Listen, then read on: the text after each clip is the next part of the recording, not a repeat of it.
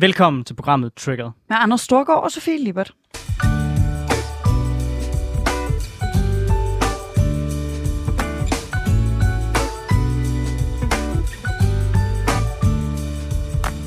Så er vi tilbage i programmet, hvor vi vender ugens vigtigste politiske historier med gæster, der har skarpe holdninger, store visioner og markante meninger.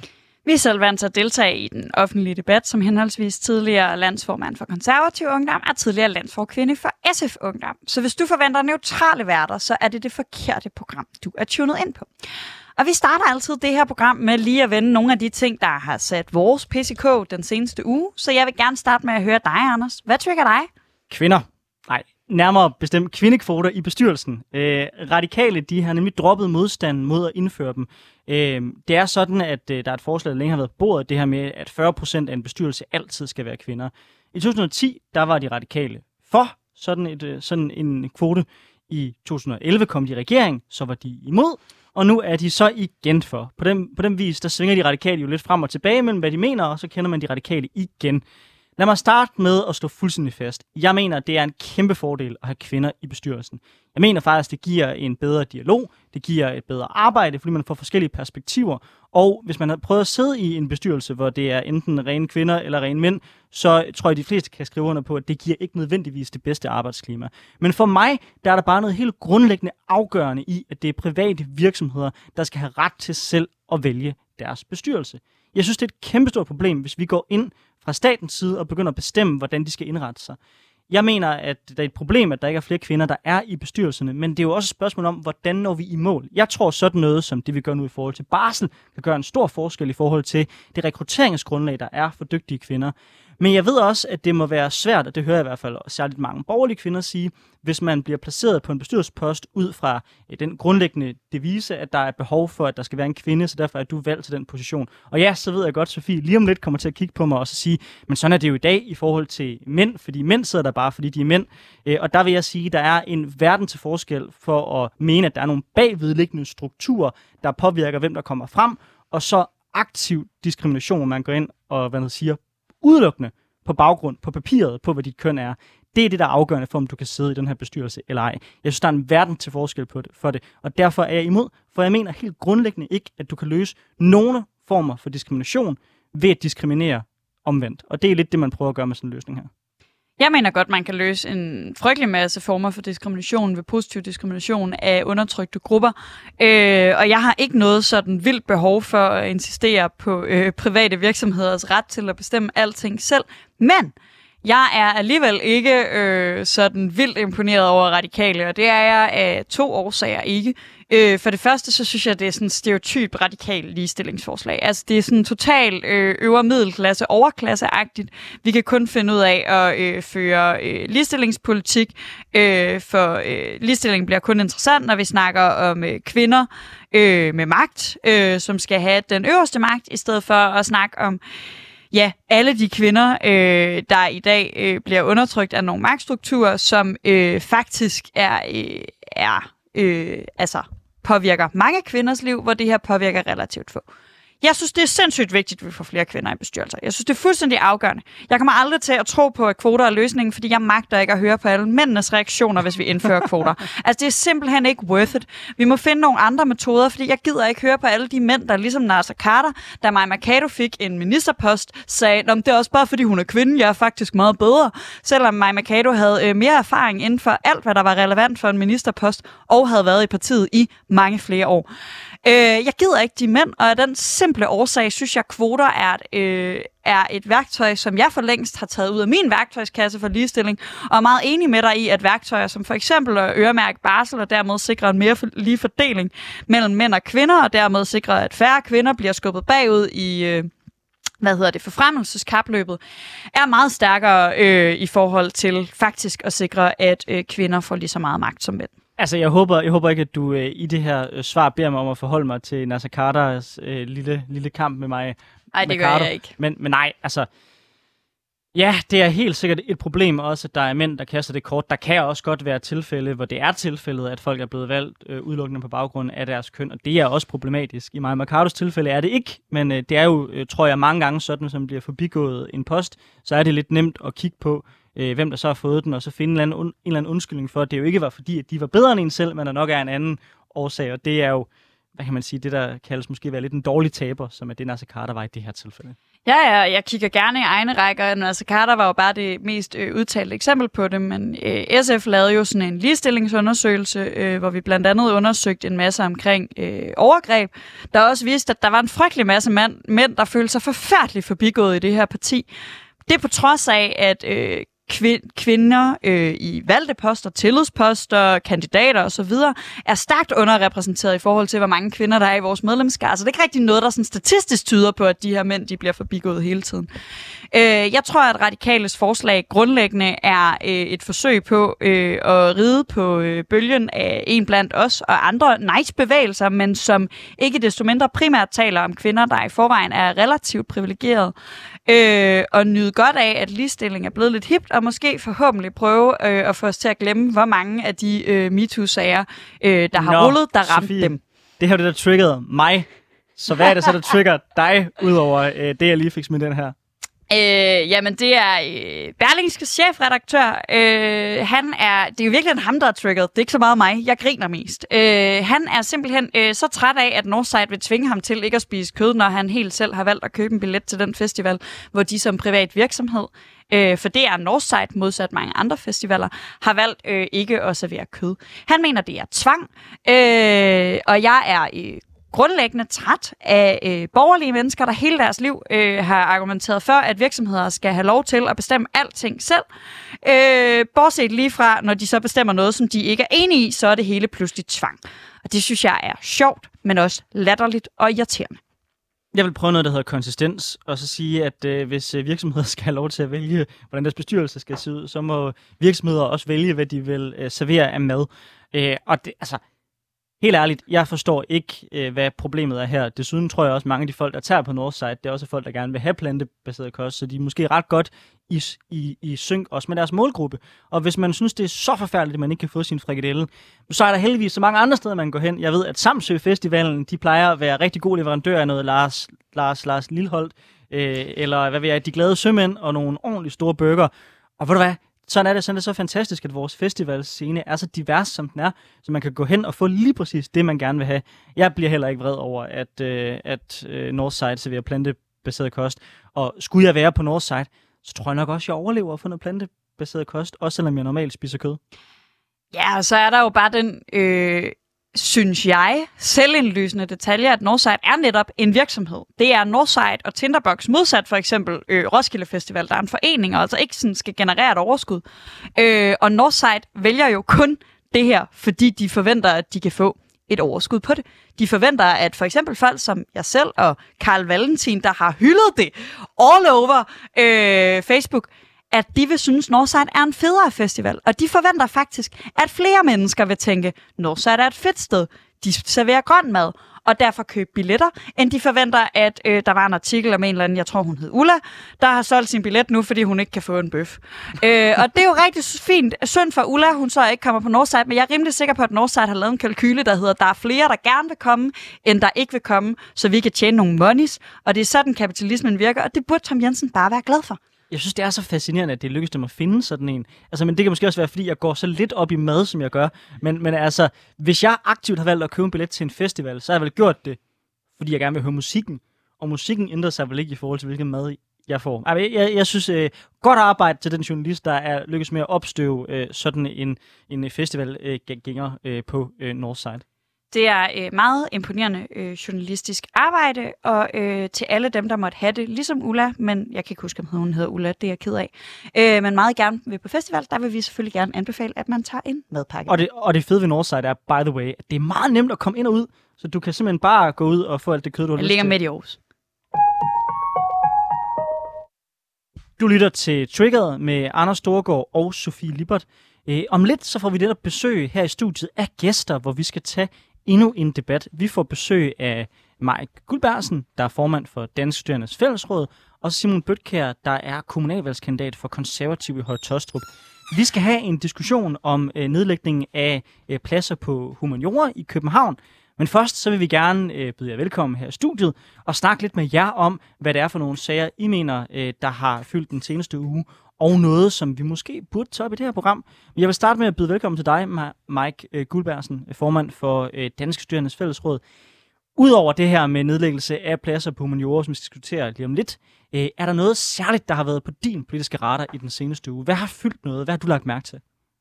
Jeg synes egentlig, I er kommet... Nu så jeg lige og smuglyttet lidt inden, jeg synes egentlig, I er kommet omkring noget af de, øh, de store politiske dagsordner, der har, der har fyldt i hvert fald også, hvis man bruger Twitter og lignende sociale medier som sin, sin platform for at få nyheder. Så jeg tror egentlig også, at det var nogle af de, de overordnede ting, jeg egentlig selv vil, vil fremhæve. Og så, selvfølgelig det så det her. har også været omskæring, der har fyldt meget for dig? Nej, jeg, jeg, jeg har hørt kun lige den sidste Nå, okay. pause. Altså de to emner her med ja. kønskvoter yes, okay, og, ja. og Northside, Tom Jensen, Ja, for det jeg tænker også, øh, Arbejdernes Erhvervsråd, der har været ude og hoppe med på den borgerlige bølge af fuck SU til kandidatstuderende, det var også have fyldt lidt hos Danske Studerendes Fællesråd. Det har det, og jeg kan sige, det er, selvfølgelig har det fyldt, men vi er også... Øh, det er som en del af sådan en temadebat, alting kører, hvor vi også kommer med vores indspark. Så vi, vi holder os lige lidt i skinnet, indtil vi selv overkommer med vores, øh, vores holdning. Men jeg kan da afsløre, at vi ikke er, er enige med hverken Dansk Erhverv eller, eller AI-rådet der. Jeg vil også gerne byde velkommen til dig, Simon Bøtkær. Du er kommunalvalgskandidat for konservativ i Højt Hostrup, øh, hvor konservativ jo har borgmesterposten også øh, med Michael Siler. Øh, hvad har du lagt mærke til i den seneste uge? Jeg tænker, at øh, for dig, der må alting handle om kommunalvalgsvalgkamp lige nu. Ja, øh, altså det gør det jo som, som oftest i de fleste uger. Nu har der lige været en uge, hvor man jo også er ungdomspolitiker og har været ude til skolevalgene, så det har også fyldt vanvittigt meget. Øh, jeg må ærligt sige, at jeg har haft lidt svært ved at kigge på Twitter og finde en masse forskellige nyheder, fordi det bare hele tiden har været sådan noget, jamen hvad så med hårdere straffe? Det er jeg lige skal ud og debattere om, om et kvarter, så der må jeg nok hellere fokusere på det. Øh, og det er nok også, fordi jeg har en hjerne, der lige pludselig sidder og fordyber sig i det, og så lige pludselig tænker man, uh, nu sidder jeg og snakker om, øh, om Tom Jensens holdning til frokoster øh, midt i en skolevalgsdebat. Hvad sker der? Øh, så det er lidt mere at holde koncentrationen også, når man skal ud til sådan nogle debatter. Jeg tror virkelig, der er sådan en, en hel øh, gruppe øh, i det her land lige nu, som har et underligt forhold til hårdere straffe, og resten af den offentlige debat tænker, det er jo ikke noget, vi snakker om. Og alle ungdomspolitikere, de er bare sådan, hårdere straffe, hårdere, og de der introer, I har i konservativ hårde straffe, stem konservativ. Og sådan, altså, det, det kører bare ind i mit hoved som sådan et, øh, altså sådan, øh, som et traumatisk øh, loop. Ja, altså det, det, det, det gør det faktisk også, når man debatterer. Jeg har lige en lille historie at fortælle der. Da jeg var landsmand for konservativ ungdom og deltog i i øh, skolevalget her for to år siden, der rejste jeg jo rundt sammen med min landssekretær. Der sov vi på alle mulige mærkelige hoteller, fordi vi ligesom skulle rundt til debatter i hele landet. Øh, og om natten, så kunne han simpelthen høre mig, der i søvne var i gang med at køre debatter, hvor oh, jeg... Hvor, præcis, for eksempel, eller kortere skoledag, eller niveauinddeling, eller klima og så videre. Han kunne simpelthen bare høre, at jeg bare battlede løs i søvne så meget, så meget var man i sådan en skolevalgsboble. Øh, så, så det er virkelig noget, der har fyldt noget for de politiske aktive, i hvert fald i den her uge. Men når vi så ser ud over det, hvad kommer til at være de store sager, der kommer til at røre, sig, røre på sig i, i Højtostrup? Øh, vi går jo ind i kommunal, kommunalvalget nu. Hvad tror du bliver den store sag der? Jamen, jeg tror rigtig meget, i hvert fald for mit vedkommende, der bliver det det her med de unge. I dag har vi ikke nogen i byrådet, der under 30, og, og det betyder blandt andet, at øh, det er de færreste i byrådet, der skal hjem om natten og tage en natbus, øh, eller skal finde ud af, hvordan man kan være sikker om natten. Øh, det kan jo godt være et problem i Højtostrup. Og så tror jeg også, det bliver rigtig meget, at man nu fra øh, Uddannelsesministeriet har besluttet, at Højtostrup Gymnasium, som er det eneste gymnasie i byen, de skal ikke tage flere øh, studerende næste år, fordi at der er blevet sådan et lille prestigeprojekt med, at øh, nu skal vi gøre overgangen bedre, og derfor er der ingen det var fyldt rigtig meget, der var ude til debat på 10. klassen, fordi det er en masse mennesker, der har knoklet super hårdt det sidste år, for at kunne komme ind på gymnasiet sammen med deres venner, og så nu får de at vide, det går ikke, desværre. Og det, det er, er sjovt, det er et perspektiv, jeg slet ikke havde tænkt over, fordi jeg har, tænkt, jeg har kommet til at have meget sådan den, de der institutionsbriller, at øh, det enkelte gymnasium, det er også fordi, jeg er fra Aarhus, og der er det øh, der er ligesom rimelig, rimelig mange gymnasier. Mm. Så det, at øh, jeg tror, det er to af gymnasierne i Aarhus, der ikke må optage elever næste år, det er ikke så stort et problem, fordi de andre gymnasier i nærheden ligesom kan, kan aflaste. Så, så kan man så til gengæld sørge for, at statsgymnasiet tager lidt flere elever og sådan noget. Men hvis man bor i Høje Tostrup, så er Høje Tostrup Gymnasium det eneste almindelige gymnasium i kommunen. Det er det, ja. Og for dem, der måske også måske ikke har ressourcer til at kunne komme rundt omkring i, øh, på gymnasierne, så kan det også være det problem, at, øh, at man skal til betale for billetter, man skal til at have et ungdomskort. Det koster også nogle penge. Så vi rammer altså også nogle ressourcesvage elever, som har arbejdet sindssygt stærkt det år, har måske ikke fået så gode øh, karakterer i 9. klasse, skal ud af 10. klasse nu og har kæmpet mega hårdt, og nu kan de så ikke komme ind på deres gymnasium og skal til at bruge en masse penge på at komme videre. Mike Gudberg, øh, Gudbergsen, øh, jeg ved godt, det, det er jo lidt ude for universiteterne, men det er jo trods alt også et øh, spørgsmål om dem, der i hvert fald på nogle af dems vedkommende skal inde på universiteterne. Hvad tænker du om den debat? Altså, øh, øh, hvordan ville du selv have haft det, hvis du var hvad kan man sige, blevet tvunget til at gå på det gymnasie, som du gerne vil, vil gå på? Jamen, jeg synes, jeg synes den, er, den er svær, for jeg tror også personligt har jeg nok også mere institutionsbrillerne at få, sådan, få det til at gå op i hele, en høj enhed har været min umiddelbare tanke, når jeg har tænkt om den her debat omkring, hvordan får man lavet nogle gode blandede gymnasier og undgå de her øh, parallelt samfundstendenser, der ligesom også har været noget af motivationen til at få, få gjort noget ved det. Og det synes jeg egentlig er, er vigtigt at gøre noget ved, men jeg synes, at det er et godt perspektiv, som jeg heller ikke havde tænkt over det her. Der er jo faktisk en årgang af unge mennesker, som kommer i klemme, og jeg vil da sige, at det, det havde jeg nok haft svært ved at, at kunne leve med, hvis det var mig selv. Det var en kort introduktion til jer. Øh, nu går vi videre til debatten. Du lytter til Trigger med Anders Storgård og Sofie Lippert, hvor vi i dag har besøg af Mike Gudbærsen. Han er formand for Danske Studerendes Fællesråd, som er studenterorganisation for de universitetsstuderende. Og Simon Bøtkær, der er kommunalvalgskandidat for konservativ i Høje Tostrup. Tidligere på året der havde vi besøg af Bjørn Brandenborg, der dengang var uddannelsesordfører for Socialdemokratiet, og Sofie Falk Villersen, der er forkvinde for Studenterforum UC, til en debat om aftalen om udflytning af studiepladser. Stort set alle andre partier end radikale indgik dengang en aftale om at nedlægge en række studiepladser i de fire store studiebyer for til gengæld at oprette nye pladser andre steder. Det galt både mellemlange og lange videregående uddannelser, og især studerende og ansatte ved universiteterne frygtede, hvilke konsekvenser det kunne få for forskningsmiljøerne. Nu er aftalen så landet, dommens time er kommet, og Københavns Universitet har offentliggjort, at de er nødsaget til at skære næsten 1.600 studiepladser på grund af den nye aftale. Enhedslisten, som er med i aftalen, er chokeret over, at det er resultatet af aftalen. Radikale siger lidt mere, øh, hvad sagde vi? Og Socialdemokratiet virker til at være godt tilfredse med, at der nu er langt færre, der skal gå på universitetet i København. Mike Guldbergsen, øh, jeg forestiller mig, at I mest melder jer i koret af folk, der siger, hvad sagde vi, og som problematiserer det her. Er København Universitets plan lige præcis det, I frygtede? Jamen, det er lige præcis den der, hvad sagde vi? Fortællingen er meget præcis, hvordan jeg har gået og haft det lige siden, at K meldte det her ud, eller Københavns Universitet meldte det ud. Det, er, det var jo ligesom lidt det, der har været vores, vores primære anke med, med hele den her øh, aftale i forhold til os. Den proces, der kørte øh, lige en sommerferie, hvor man landede den her aftale, at det var for hurtigt og for tjusket politisk øh, håndarbejde, det man ligesom, øh, man så, at det, der var ikke øh, lavet den nødvendige inddragelse af institutionerne, af de studerende, af underviserne, og sådan set heller ikke fra erhvervslivet for en sags skyld, for at undersøge, hvad der var, vil være de forudsigelige konsekvenser af det. Og, og, og dengang råbte øh, Københavns Universitet op, at men vi, det giver ikke mening for os økonomisk, at kan det ikke hænge sammen, hvis vi skal til at lave en hel masse decentrale uddannelsesudbud rundt om landet, så vi kommer til at lukke pladserne i stedet for. Kort et par måneder senere hen, hen på året, og nu siger de, at vi kommer til at lukke nogle pladser, og enhedslisten eksempelvis kommer til at det forstår jeg ikke. Hvorfor sagde I ikke det noget før? Det sagde de inden sommerferien, da vi forhandlede den her aftale. Altså. Simon Bøtkær, du stiller jo op øh, i Høje Tostrup for det konservative Folkeparti. Jeg tænker, der er mange af dine jævnaldrende, der måske kan have en drøm om at komme ind på humaniora øh, på Københavns Universitet. Er det ikke et problem, at man nu øh, knuser deres drøm? Jeg synes, det er et rigtig vigtigt aspekt, øh, fordi selvfølgelig så er der jo øh, rigtig mange, der går og drømmer om, måske ikke specifikt at komme ind på en specifik uddannelse, men, men altså går og drømmer om, at jeg vil godt læse filosofi eller historie osv. Og der synes jeg, der er lidt to aspekter. Ikke? Der er det her med, at selvfølgelig skal et ung menneske jo følge sin drøm. Jeg debatterede selv 30 timers arbejdsuge og fortalt øh, en rigtig god historie om, at du ved, hvordan hvis du laver noget, du elsker, hvis du studerer noget, du elsker, og rent faktisk får hjælp igennem folkeskolen, gymnasiet, universitetet, og så kommer ud og laver noget, du elsker, jamen så 30 timers arbejdsuge jo ingenting, fordi du elsker det, du laver til daglig, men til gengæld, hvis du laver noget, du hader. Og det er jo lidt det, man kan komme ud for, hvis det er, at man skærer i nogle uddannelser for at sige, at det skal være 100% markedsrelateret. Alt, hvad du uddanner til, skal du komme direkte ud på, en, på, en, på arbejdsmarkedet, øh, så det er lidt den her balance mellem drømmejobbet og drømmestudiet, og måske også, hvad der er realistisk, for vi ser jo det her med, at på hvad er det, top 25 af humaniora-uddannelserne, der er der mellem 50 og 35 procent øh, øh, efter et år, der ikke kommer ud og får et arbejde. Og det er jo rigtig problematisk, fordi at øh, gatewayen mellem universitetet, eller universitetet er ligesom gatewayen mellem arbejdskraften og mark- arbejdsmarkedet, og de her markedskræfter, og så hvor du giver slip på velfærdsstaten og siger, nu er jeg 100% SU-støttet, jeg lever af gratis uddannelse.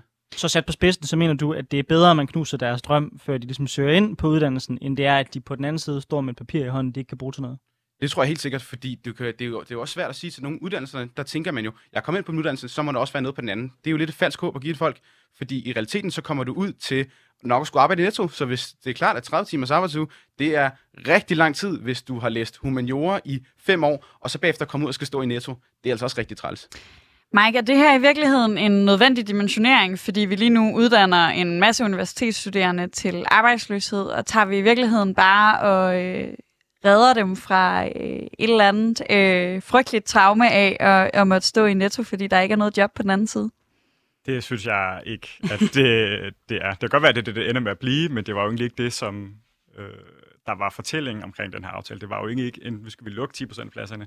Vi skal som udgangspunkt flytte 10% af pladserne, og så hvis det kan lade sig gøre, så lukker man sig tilsvarende, for at gøre det mere attraktivt og mere tilgængeligt at tage en uddannelse rundt omkring i landet. Og det er jo bare ikke det, der bliver tilfældet, hvis de store institutioner, som Københavns Universitet her, og givetvis også de andre store universiteter, kommer til at sige, det giver ikke mening for os økonomisk at, at kunne lave de her decentrale uddannelsesudbud. Altså vi ser bare, at der bliver færre pladser tilgængelige, og det gør bare alt andet lige, at der er et mindre udbud af uddannelser, som unge mennesker kan søge på. Det bliver heller ikke lettere, hvis du bor i Bjergbro eller et eller andet, at kunne tage en uddannelse, for der kommer ikke nogen uddannelse, der bliver oprettet her, for det giver ikke mening for institutionerne.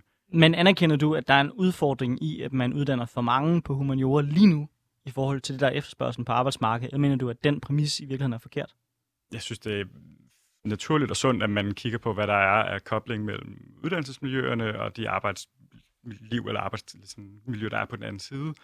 Men vi står også i en situation, hvor man egentlig har lavet en ret hæftig dimensionering af øh, specifikt humaniora for ikke alt for mange år siden, og vi, det, den er stadig ligesom ved at blive, den er blevet imiteret, men nu skal vi ligesom se, hvad konsekvenserne bliver det på, på statistikkerne. Det tager jo ligesom lidt forsinket effekt, må man regne med i forhold til, hvornår man skærer studiepladserne, og hvornår det ligesom lander et nyt øh, balanceniveau ud på, på arbejdsmarkedet i forhold til, til udbud efterspørgsel af kandidaterne. Jeg synes, det er lidt forhastet, og især når man så tænker, at vi taler en størrelsesorden, der hedder en fjerdedel af pladserne i 2030, som, som Københavns Universitet har tænkt sig at lukke. Så super hurtigt. Vi uddanner ikke for mange på humaniora i dag, ifølge jer. Det er for tidligt at sige. Vi skal stadig, vi må lige have lidt tålmodighed for at se, hvad bliver rigtige konsekvenser af den her dimensionering, der har været humaniora. I er imod, at man har nedsat dimittentsatsen, ikke sandt? Jo. Okay. Øhm, ja, som jeg forstod det, så var det med argumentet om, at der var folk, der skal have tid til at finde arbejde. Kan man ikke sige, at det her det faktisk det, der spiller sammen på en måde, hvor man så sikrer, at der er færre folk, der kommer til at stå med en uddannelse, hvor der er mangel på arbejdskraft, og derfor så spiller det sammen med nedsættelse af dimittentsatsen? Jamen, jeg tror bare, problemet med, med dimittent arbejdsløsheden er ikke, at folk ikke er, har kapaciteten til at komme ud for et job, eller egentlig ikke, at jobben ikke er til dem, men også, at arbejdsgiverne ikke er gode nok til at se, hvad der er værdi i de her kandidater. Der mener jeg sådan set også, at man, det har vi også snakket med Dansk Fællesråd i, i regi af den her dagpenge, øh, dagpenge snak og, og politisk debat, der er lige nu, at man skal egentlig også lægge lidt mere ansvar over på arbejdsgiverne, sige, på samme måde som, at de skal have nogle, de har ansvar og skal have nogle incitamenter for at ansætte seniorer eksempelvis, så skal man simpelthen også have nogle incitamenter og et ansvar for at ansætte nyuddannede, også humanister. Helt klart. Simon Bøtkær, vi har jo allerede, som Mike fortæller, øh, lavet en del politiske aftaler og planer på både Københavns Universitet og, og andre universiteter i landet om at, øh, at dimensionere. Altså at få det antal pladser, øh, som vi, der er på universiteterne, til i højere grad at matche det antal øh, sådan arbejdspladser. Øh, vi forventer, der må det være øh, fem år efter folk kommer ind på universiteterne. Det her er jo en meget, meget svær øvelse, fordi man skal forudse arbejdsmarkedet fem år ud i fremtiden, og som øh, Mike også nævner, så skal man derudover også lige give det den tid, øh, det nu engang tager at få uddannet nye kandidater og få dem ud på arbejdsmarkedet, for at man kan se, om det virkede. Er det her ikke, øh, når man betragter det som en dimensionering, eller betragter det som en måde at sikre, at færre øh, tager en uddannelse og ikke øh, får det job ud af det, de havde regnet med. Er vi ikke, er vi ikke blevet for, lidt forhastet her, hvis vi allerede har nogle aftaler, som øh, vi lige skal nå at se resultaterne af? Er det så ikke et problem, at vi bliver ved med at skære? Hvad nu, hvis vi ender med at have skåret for mange pladser, og pludselig står... Øh, altså, jeg har hørt masser af arbejdsgiver råbe på øh, mere arbejdskraft. Er der ikke en risiko for, at de om 10 år står og råber øh, på universitetsstuderende, eller universitetsuddannede står og råber på de her 1600 mennesker, vi nu ikke lader få en uddannelse? Er vi ikke øh, lidt hurtige med sparekniven her? Jeg tror i realiteten ikke, vi er for hurtige. Øh, det har noget at gøre med, at der selvfølgelig hvert år bliver uddannet øh, en, en vis mængde, og de står også klar nu på arbejdsmarkedet. Vi kan se, om, at, at efter et år, så er de stadig på arbejdsmarkedet. Så det er jo ikke, fordi der er folk, der står og, og mangler lige nu. Og de mennesker, som så kommer ud, de er jo så klar til at tage over øh, fra de tidligere år. Det, der så også lige skal siges, at det er i forhold til det med dimittentdagpenge, der synes jeg også, det er ret relevant at sige, at, øh, at, at du kommer jo ikke ud, men når du kommer ud på arbejdsmarkedet, og du går og leder efter et, et arbejde hele tiden, og du bliver færdig med de her dimittentdagpenge, det er ikke, fordi du får bedre muligheder for et job, fordi du søger længere. Tværtimod, så tror du, du får bedre muligheder for et job, hvis du kommer ud og får noget på CV'et, og så øh, kan det godt være, at det er et, et træls job, men jeg er ret sikker på, øh, næsten 100% på, at en arbejdsgiver kommer, arbejdsgiver kommer til at kigge på dit CV og tænke, okay, i et år har han i hvert fald lavet et eller andet, han er aktiv, han er proaktiv og går ud og søger noget. Så på den måde, så må det jo være, om ikke andet, bedre, at, man, at der er et incitament for, at man går ud og finder sig et eller andet. øh, så kan det være, at det er lige så studierelevant, men det er jo altid fedt at, at have noget på CV'et, som hjælper. Men tror du ikke, altså vi er i gang med at skære ned på for eksempel humaniora. Øh, den her aftale skærer øh, yderligere især på humaniora, men også på andre steder. Det skal vi nok komme ind på lige om lidt. Øh, men man er allerede i gang med at skære. Er det ikke et kæmpe problem, hvis vi skære... vi har lavet nogle aftaler, der begynder at skære nu. Dem kan vi først se effekterne af om 6 år. Nu laver vi nogle flere. Dem kan vi så se om effekterne af om, hvad skal vi sige, 10 år, 12 år. Hvad nu, hvis vi står om 12 år og mangler de her mennesker big time, fordi vi lige gik i sådan total skære amok i en periode på et par år, fordi det var moderne. Er du ikke bange for, at vi lige om lidt står med det modsatte problem af, vi har, hvad vi har lige nu? At arbejdsgiverne, de skriger på de her øh, kandidater i, hvad ved jeg, historie, dansk, engelsk, fransk og tysk skriger de allerede ret meget på. Mm. Jo, jeg synes da helt sikkert, at det er noget, man skal overveje, men jeg synes, at det her, der laver du ligesom en overvejelse af, skal du tage det, der sker i realtid, eller skal du tage det, der måske kunne ske i fremtiden? For du selv siger, det er vanvittigt svært, og medmindre du har en spokhul, at, at kunne kigge ud i fremtiden. Det, der sker i realtid lige nu, og det kan jeg selv sige fra min, fra min egen historie, øh, det er, at jeg lige nu øh, går, på, øh, går på en erhvervsakademi, øh, international erhvervsakademi, og de bliver jo alle sammen lukket. Det vil sige, at jeg skal sige farvel til alle mine studiekammerater til sommer, og jeg kan faktisk heller ikke søge videre på den internationale linje, for den bliver også lukket. Så man, man skal jo også overveje, hvad er det, man opprioriterer og nedprioriterer. Her er der nedprioriteret nogle humaniorer, som står og desværre efter et år ikke har noget job, mens du så til gengæld har smidt en masse mennesker væk fra Danmark, som for det første, for de skal få SU, så arbejder de 16 timer om ugen. De er aktive på arbejdsmarkedet.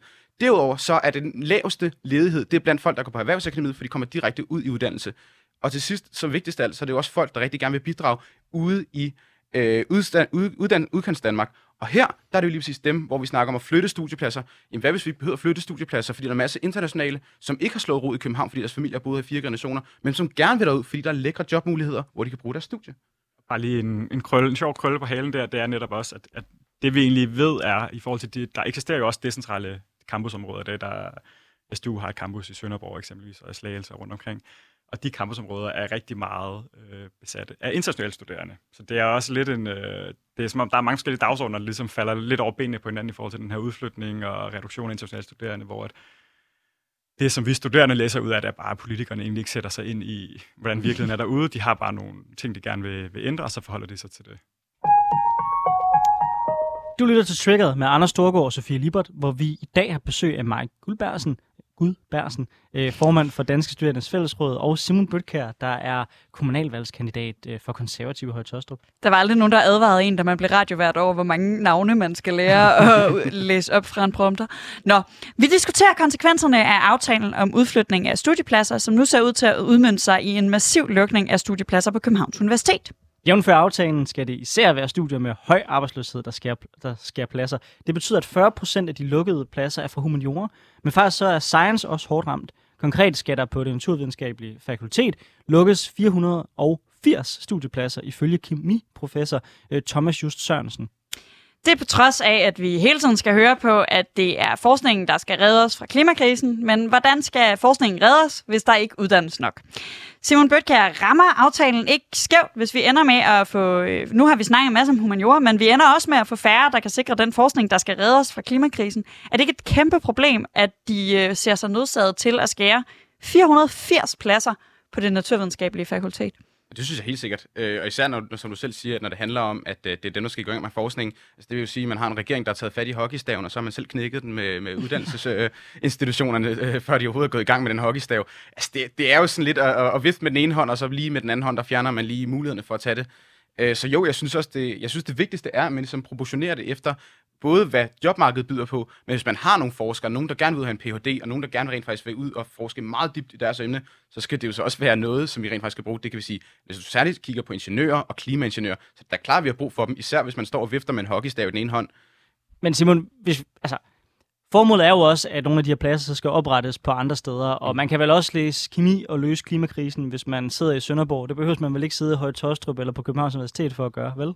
Det tror jeg helt bestemt ikke. Og jeg er også en af de øh, største fortalere for, at, man ikke, at det ikke er en menneskeret at bo i København eller studere i København.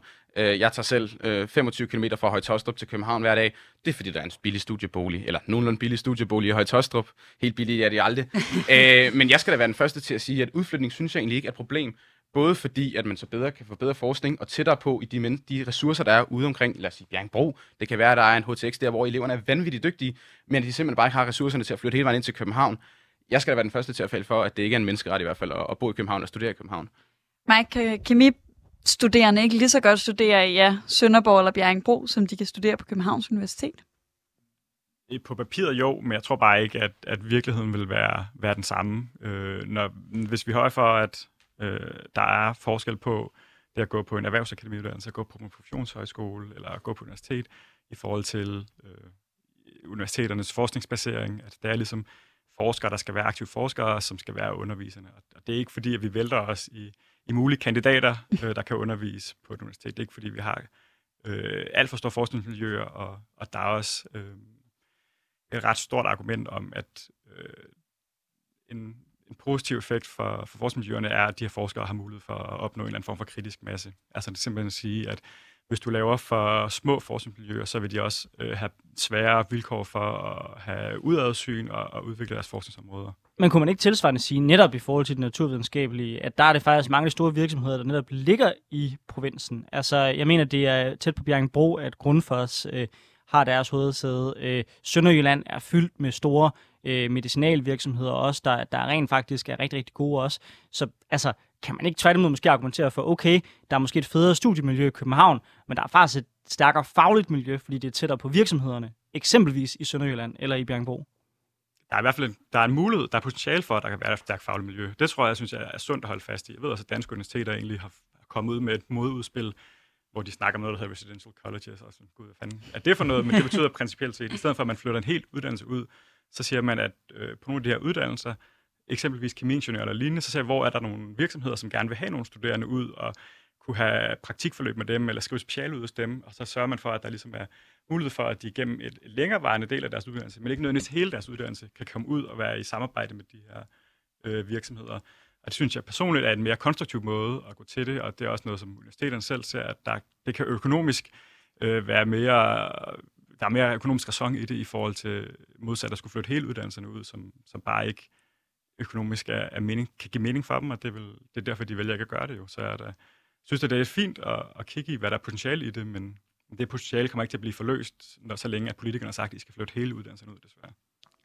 Nej, fordi politikerne har jo, øh, de synes selv, de har givet en øh, kæmpe pose penge til, øh, hvad hedder det, universiteterne, hvis de vælger at udflytte de her pladser, jeg, kan slet ikke snakke lige nu, pladser i stedet for at nedlægge dem. Men Københavns Universitet siger jo i hvert fald, at det ikke, øh, ikke kan være økonomisk være rentabelt. Og hvis nu vi antager lige nu, at, øh, at det har de ret i, Simon Bøtker, er det ikke et problem, hvis vi øh, har hvis nu vi alle sammen siger, at vi kan godt øh, anerkende ambitionen om, at der skal være udflytning af uddannelsespladser, der skal være uddannelser i hele landet, øh, men hvis politikerne ikke har sendt penge nok med til, at vi faktisk kan oprette ordentlige uddannelser, for der er jo ikke nogen af os, der har lyst til, at der skal ligge discount-uddannelser ude i landet, så er der jo ikke nogen, der har vundet noget. Er det så ikke øh, en for dårlig aftale, hvis man ikke er klar til at investere de penge i øh, rent faktisk øh, flytte uddannelserne, frem for øh, at lukke dem ned? Jo, og som, som det ofte er med, med offentlige goder, eller ting, der i hvert fald kommer fra velfærdsstaten, så synes jeg da også, det er helt ekstremt vigtigt, at når man laver noget, så bliver det ikke sådan en halvhjertet løsning, hvor man siger, oh, men de får en studieplads på papiret, men så i realiteten, når de er færdige, så kan de alligevel ikke få et job. Det er jo lige præcis der, hvor vi får folk, der efter et år er, er arbejdsløse, hvis man allerede har rygtes ud i Novo Nordisk af science-afdelingen. De får simpelthen ikke nok ressourcer, de er simpelthen ikke øh, gode nok til at kunne komme ind og udbyde det, som man måske kan fra an, an, andre europæiske lande. Fordi man skal også tænke på, jo mindre vi uddanner til arbejdsmarkedet, eller det, som man vil have, så tager man jo bare arbejdskraft fra andre europæiske lande. Øh, jeg synes, det er ret vigtigt, at man, når man skal have uddannelser, og når man skal ud og, og flytte ud, så er det klart, så skal der følge en pose penge med. Hvis man er på science, skal man have nogle ordentlige kemilaboratorier osv. For ellers så får vi bare nogle halvhjertede studerende, som alligevel ikke hører til på arbejdsmarkedet, eller i hvert fald kan, kan tilpasse sig. Men en del af det her, øh, som Mike også er inde på, det handler jo netop om ja, forskningsmiljøer. Og noget af det, som vi jo virkelig kommer i konkurrence med, hvis vi i Danmark insisterer på, at vores forskningsmiljøer ikke må være samlet, men skal være splittet op.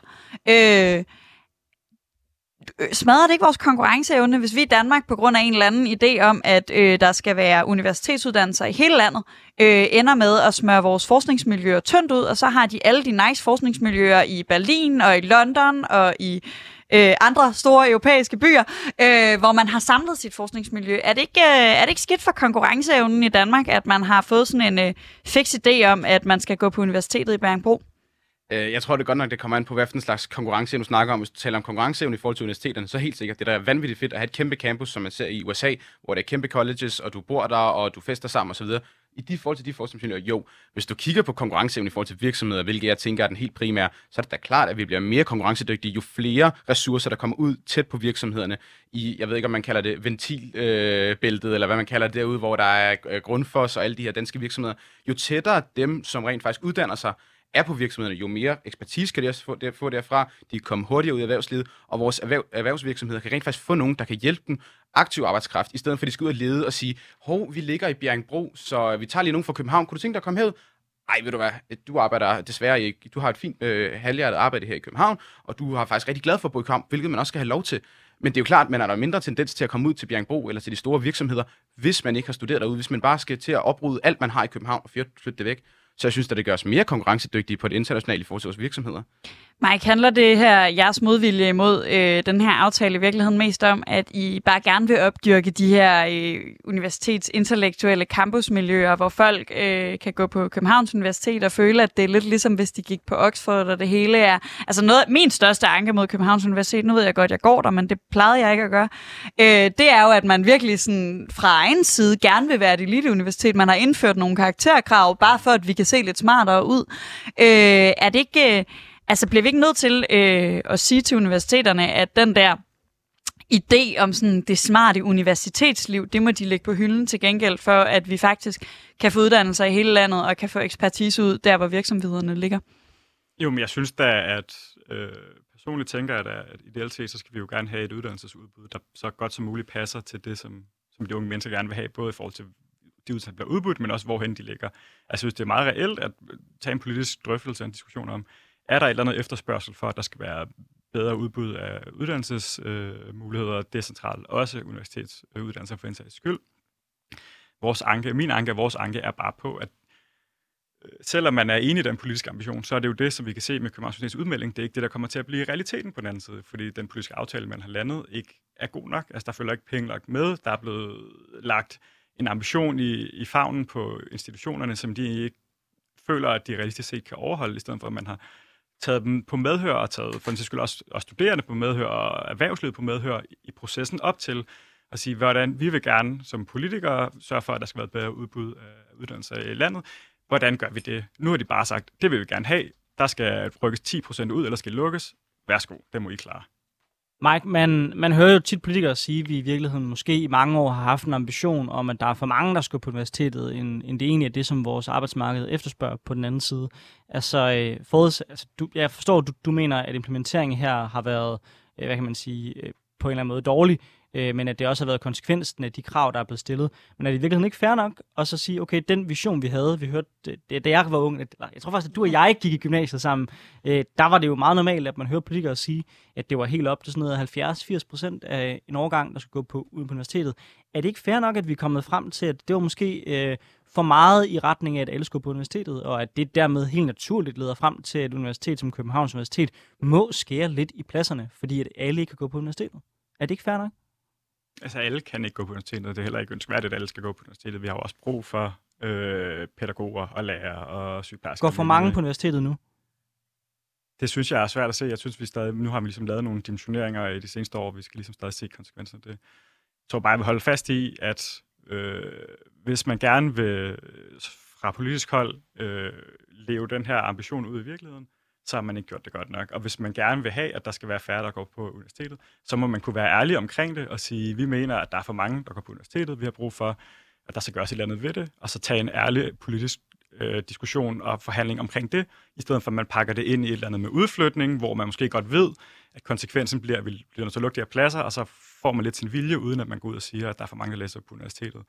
Så lad os da tage en ordentlig diskussion omkring det, og det synes jeg ikke, at, at, man, at den her øh, forhastede proces øh, retfærdiggør, at, man, at, at vi har ligesom ikke vendt den drøftelse godt nok, hvis man kan sige det sådan kort. Du lytter til Triggered med Anders Storgård og Sofie Lippert. Vi har i dag besøg af Mike Gudbærsen, formand for Danske Studerendes Fællesråd, og Simon Bøtkær, Bøtkær kommunalvalgskandidat for konservativ i Høje Tostrup.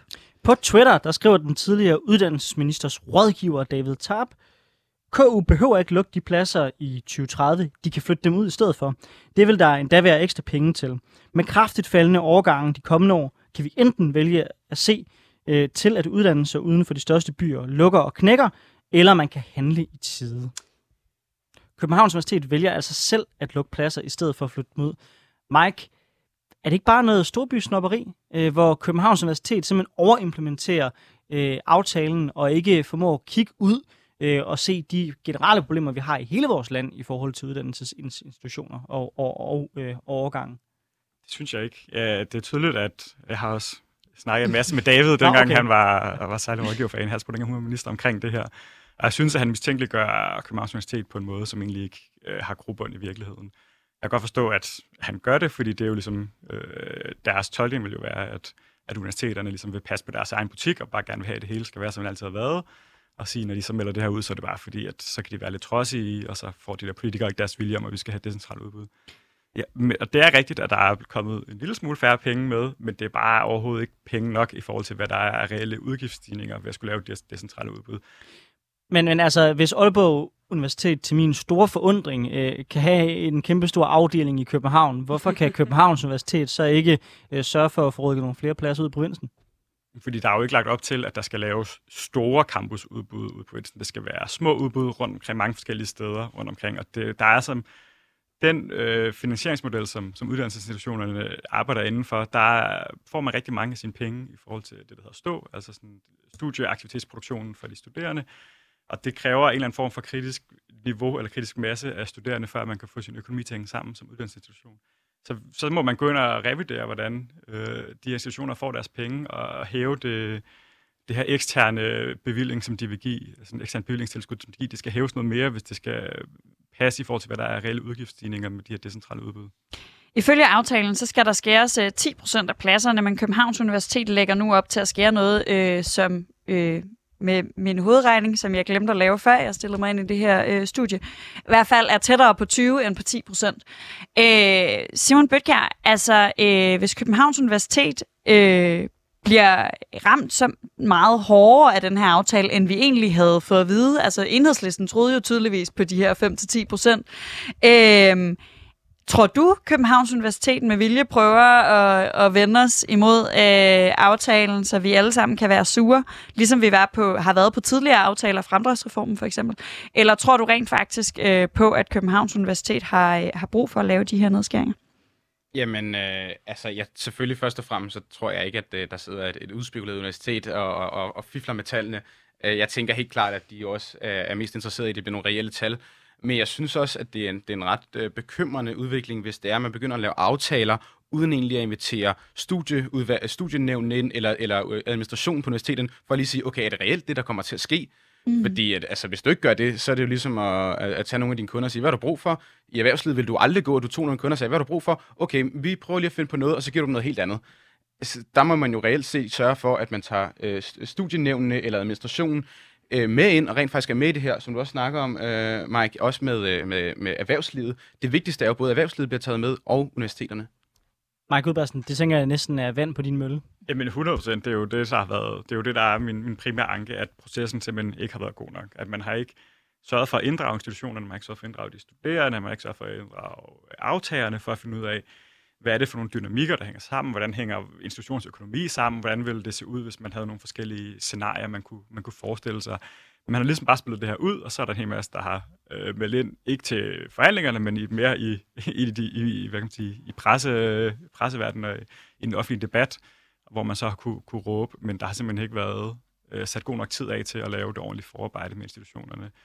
Og så er det jo netop, at man ender i en situation, hvor det bliver sådan en politisk togtrækkeri, og så kan jeg da godt forstå, at tendensen vil være, at man begynder at mistænkeliggøre hinanden, i stedet for at man faktisk har tiltro til, at det er virkeligheden, der bliver forklaret. Det virker til, at I, vi faktisk kan samle jer på, at øh, der er problemer, øh, hvad hedder det, både med øh, processen for den her aftale, øh, og i hvert fald også øh, enige i, at, at det øh, er et problem, vi skærer på science, men, men jeg, jeg kunne godt tænke mig sådan lige at vende tilbage til sig. På trods af, at du synes, Simon, kan jeg gå med mig på, at den er dårligt indgået, den her aftale, man skulle have lyttet til folk, øh, det er ærgerligt, vi skærer på science, så er du stadig fan af, at vi faktisk skærer 1600 studiepladser på Københavns Universitet? Jeg er fan af, at vi først og fremmest udflytter dem, hvor at der er brug for dem, så det rent faktisk rammer virksomhederne, og vi bliver mere konkurrencedygtige, som du selv snakker om. Men ja, jeg kan også godt se, at hvis der er behov for det, vi kan se, at folk simpelthen ikke kommer i arbejde, så tror jeg, at der bliver en helt automatisk ting, hvor vi er nødt til at skære. Og det er jo fordi, ligesom som jeg snakker om først, at universitetet det er ligesom et sted, hvor velfærdsstaten, der ud, udgår du af den, og så begynder du at komme ud på arbejdsmarkedet, hvor der er nogle markedskræfter, der skal i gang. Problemet er, at de markedskræfter kommer aldrig i gang, når du, er, du har en, en, en øh, dagpengesats, der er højere, end hvad du havde som studerende. Det vil sige, at du, får, du går fra gratis uddannelse og gratis SU til at kunne komme ud på noget, hvor du i realiteten så skulle opleve, okay, nu er der et arbejdsmarked, der har brug for mig. Det gør du ikke, fordi der kommer en pude, som er langt højere end den, du møder, når du går på universitetet. Øh, så jeg synes det er helt klart, at så må der være nogle andre instanser, der bliver nødt til at gøre det, og det er ærgerligt, det skal være sådan. Fordi hvis man så bare skar lidt i dagpengene, så kunne det jo være, at der kom, at folk rent faktisk kom på arbejdsmarkedet, så har vi slet ikke haft det her problem. Så jeg synes, det er vigtigt, at vi får nogle gode uddannede, nogen, der rent faktisk på uddannelse, de har lyst til, i stedet for, at man så prioriterer dagpengene højst.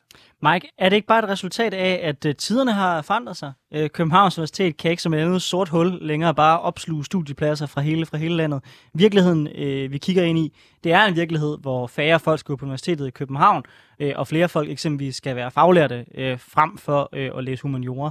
Er det ikke en virkelighed, I bare må vende jer til som studerende? Jamen, jeg synes, det er da klart, at, at vi skal kunne tage en politisk drøftelse om vores uddannelsessystem er skruet sammen på den måde, som det bør være, men som jeg også var inde på tidligere, jeg mener bare ikke, at man har taget en retvisende diskussion her. Man har ligesom, det er lidt den diskussion, der er mellem linjerne, men det er egentlig ikke det, man har tur at sige up front. Man har godt sagt lang tid, at øh, fremtiden er faglærte, vi skal have flere faglærte, vi mangler også lærere og sygeplejersker og pædagoger. Der ser man så i ret høj grad, at der er rigtig mange ledige studiepladser på de områder. Så måske løsningen ikke er at sige, at vi får, får nået den der gode balance ved at skære og en hel masse på humaniora og på science og lignende, fordi folk, der har lyst, unge mennesker, der har lyst til at læse historie, har måske ikke lyst til at læse det tømmer. Altså, det er for sent. Bare gå ind og flytte pladserne. Vi skal jo have skabt motivation og lysten til at tage de her pladser. Jeg tror på, at, at øh, den arbejdskraft, man kan levere, og den er også ret sammenhængende med den arbejdsglæde, man har. Altså, jeg tror egentlig ikke, at man bliver en skide god tømmer eller elektriker eller et eller andet, hvis man gerne ville have været øh, sprogterapeut, men det kunne man ikke få lov til, fordi at politikerne sagde, at man skulle lukke en hel masse pladser. Det er simpelthen for sent, men, vi går ind og laver nogle justeringer i uddannelsessystemet. Det er fint nok at tage den drøftelse, men det løser ikke øh, hele balancen i, hvad er det så, der er øh, udbud efterspørgsel. Men er det i virkeligheden ikke et argument, man kan, man kan, man kan bruge om en hver form for dimensionering? Så, så kigger vi jo nærmere ind i sådan noget frit optag, hvor, hvor alle folk kan vælge den uddannelse, de gerne vil. Og hvis der er, lad os sige, 5.000 mennesker, der gerne vil læse statskundskab, så uh, by all means have fun. Jo, jeg synes bestemt, at det er et argument, man kan bruge mod alle former for dimensionering. Okay. Det vil jeg også så, bruge. Så du er, så, så du er, du er tilhænger af fuldstændig frit optag? I, som ideal, ja, men jeg er klar over, at der, det er, der er nogle øh, ting og sager, man skal være opmærksom på der. Øh, ja, mit argument vil bare være, at vi får ikke et godt match mellem øh, udbud og efterspørgsel øh, på arbejdsmarkedet, så længe at rigtig mange unge mennesker gerne vil tage det uddannelse. Og så kan det jo, det tror jeg mere, at det der er konsekvensen af, at man i mange år har snakket om, at man skal tage den her STX, at man skal tage universitetsuddannelsen. Det, det er den drøftelse og den kultur, vi skal have gjort noget ved, snarere end vi bare skal lukke pladserne, fordi hvis vi bare lukker pladserne, så ser vi stadig ikke, at ungdommen kommer til at søge de her steder hen, hvor politikerne gerne vil have dem. Jeg tænker, at det kan blive en kæmpe stor fest på statskundskab til fredagsbarne, hvis vi nærmest skal lave vores egen Northside i antal af folk, der er der. Men Simon, øh, jeg fornemmer ikke, at du er 100% enig med det, som øh, Dansk Studerendes Fællesråd siger her. Ej, det må man sige. Øh, jeg, jeg vil sige, der burde måske have været en lille trigger warning på før. Øh, det kan jeg da godt mærke. Jeg vil sige, det, det, det er lidt... Øh, jeg er i hvert fald ikke enig i den her med, at øh, hvis du gerne vil øh, studeret til sprogterapeut, og, der, og du så ikke kan gøre det, så vil, du, så vil der være mindre arbejdsglæde ved at være tømmer. Det kan jeg godt forstå. Men det er jo ikke, fordi du bliver sprogterapeut, bare fordi du studerer til det. Problemet er jo, at der ikke er behov for det så.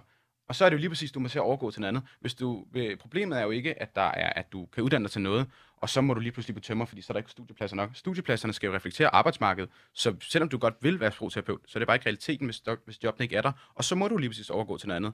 Så jeg synes, det er ret vigtigt at kigge på, jo, selvfølgelig kan vi uddanne en masse mennesker til noget, men realiteten skal også være, at der skal være nogle jobs til det, så der må du alligevel finde noget andet, hvis du så uddanner til noget, der ikke er. Så er det jo bedre at skære i den, og så lade være at sige, okay, nu har du ikke brugt tre år på, en, på øh, eller fem år på en, på en hel uddannelse som sprogterapeut, og komme ud til at vide, men der er alligevel ikke noget til dig, så nu skal du til at være tømmer alligevel, og have spildt fem år i dit liv. Mike? Men vi har jo allerede lavet en masse dimensionering af humaniora og lignende, og der er stadig politisk enighed om, at vi skal bruge flere erhvervsuddannede, vi skal bruge flere professionsuddannede, de her velfærdsuddannelser der er ledige pladser på nærmest dem alle sammen. Det løser jo ikke det problem, at vi lukker pladserne tydeligvis. Vi skal sætte ind tidligere i forhold til at få skabt en kultur og få skabt øh, prestige og få talt værdien op, at de har andre uddannelsesretninger. Det er der, vi skal sætte ind, hvis vi faktisk vil skabe det her match mellem udbud og efter. Jeg øh, anerkender i den grad præmissen om, vi skal sætte ind tidligere, fordi jeg er helt enig med dig, Anders. Jeg tror, der vil være rigtig mange, der søger statskundskaben. Det er også fordi, nogle gange lyder det, som om det er den eneste øh, uddannelse, der findes på universiteterne. Når vi for eksempel taler om øh, identitetspolitik og forskningsmiljøer, så er det altid statskundskaber, og man står her som matematiker og tænker, der er kraftedeme ikke noget identitetspolitik over ved mig. Og det tror jeg rigtig meget handler om meget af den retorik, vi har omkring, at øh, på universitetet, der bliver du statskundskaber.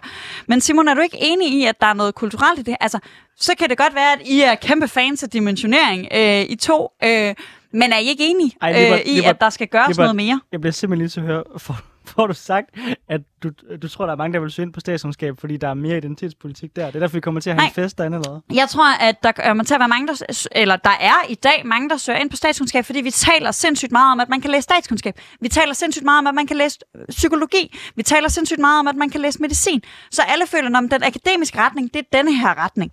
Hvorimod alle mulige andre uddannelser, jeg har en veninde, der har læst arabisk og islamstudier. Det tror jeg ikke, der er ret mange, der ved, at man kan. Og der man kan blive mange af de samme ting, som hvis man læser Altså statskundskab. Øhm, så, så min pointe er, at selvfølgelig de her populære uddannelser, som vi nærmest kan få det til at lyde som om, er hele universitetet, de vil, øh, de har stort øh, ansøgningsgrundlag nu, og udvidet vi optage rammerne, ja, så vil de også optage, hvis ikke vi som Mike pointerer, gjorde noget ved den måde, vi taler om uddannelser, gjorde noget tidligere, sat ind tidligere, og uagtet at de gerne vil dimensionere, er I så ikke enige, hvis I også skal sætte ind tidligere? Fordi du snakker i starten, Simon, om drømmejobbet. Skal vi ikke sikre, at for nogle flere, der vil den faglærte uddannelse være drømmejobbet, uanset om vi dimensionerer dem derhen eller ej? Selvfølgelig, jo, og jeg har, altså jeg kan kun være helt enig. Nu har jeg også min, min flyer med ud i jakken, hvis jeg nu skulle møde nogen i S-toget på vej hjem. Øh, og der står der i hvert fald også som nummer tre, vi skal gøre erhvervsakademier, øh, eller erhvervsuddannelser, lidt mere interessante. Og det har jo også noget at gøre med, at der rigtig ofte bliver søgt ind på, univers- øh, på gymnasiet, fordi det bliver set som sådan en almen ting. Det skal man gøre, ellers så er man en del af, af, af, af noget mindre klogt eller sådan noget. Øh, og så vil jeg så også sige, at jeg er helt enig i, at der er rigtig mange, der snakker om statskundskab. Jeg er selv ungdomspolitiker, og der, øh, der kan du nærmest lave en bankoplade ud af, hvis der er nogen, der ikke ser statskundskab, så, du, så kan du snart få fuld linje, fordi at det er helt unikt, øh, og samtidig har jeg så også en roommate, der studerer arabisk, øh, så, så den har jeg heldigvis hørt om. Øh, men jeg synes, at generelt så skal vi gøre det mere attraktivt at gå på erhvervsuddannelser. Jeg tror måske også, at man kan lave nogle kombinationer af, hvornår det er en erhvervsuddannelse, hvornår det er gymnasielt. Kan du godt få noget, noget andet med ind, så, så det måske stadig kan interessere, interessere dig for det akademiske, men at du stadig har, har noget job, der venter på dig, når du kommer ud.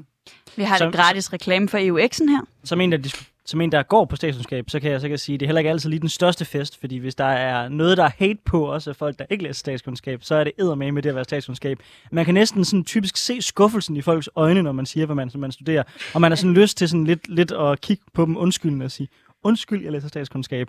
Men Mike, du får det sidste ord i den her debat. Øh, hvis jeg siger, at det her det er en super tanker, der i mange år har kørt i retning af, at vi skulle have flere folk på universiteterne, og man politisk nu prøver at vende skuden, vil du mene, at det også er det billede, som vi, som, som, som vi, øh, som, som vi ser? Øh, snart vil jeg sige, at jeg læser også selv statskundskab. Og jeg kender meget af den der oplevelse af, at det kan være, være lidt skamfuldt næsten. Men øh, det er en supertanker, uddannelsespolitik. Det er også derfor, jeg synes, det er lidt problematisk, at vi skal prøve at lave uddannelsespolitiske tilpasninger af situationen efter spørgsmålet nu her. Fordi det kan man ikke. Det tager mange år at lave de her forandringer, og der går lang tid fra, at nogen er startet i børnehaveklassen, til de kommer ud enten på den anden side af en kandidat eller en professionsuddannelse, eller hvad det nu er. Så man skal ligesom have de lange, de lange, lange lys på lang, og langsigtede briller på. Så jeg synes da, at det er reelt nok, at det er også måske er det, som jo den her debat nok er udtryk for, at man gerne vil lave nogle af de her øh, hvad kan man sige, tilpasninger i uddannelsessystemet i forhold til øh, regionale tilpasninger, i forhold til forskellige uddannelsesniveaus tilpasning. Jeg synes bare ikke, det er det, man faktisk snakker om. Jeg synes, at politikerne bør være mere åbne omkring, at de bør tage det her problem mere seriøst, end, det, end som jeg læser det, når man laver sådan en forhastet to ugers aftale, eller to ugers forhandlingsproces, så tager man ikke seriøsiteten af det her problem øh, ordentligt. Mike Gudbærsen, formand for Dansk Studenternes Fællesråd. Tak fordi du var med. Og også tak til dig, Simon Bøtkær, der er kommunalvalgskandidat for konservativ i Højtostrup.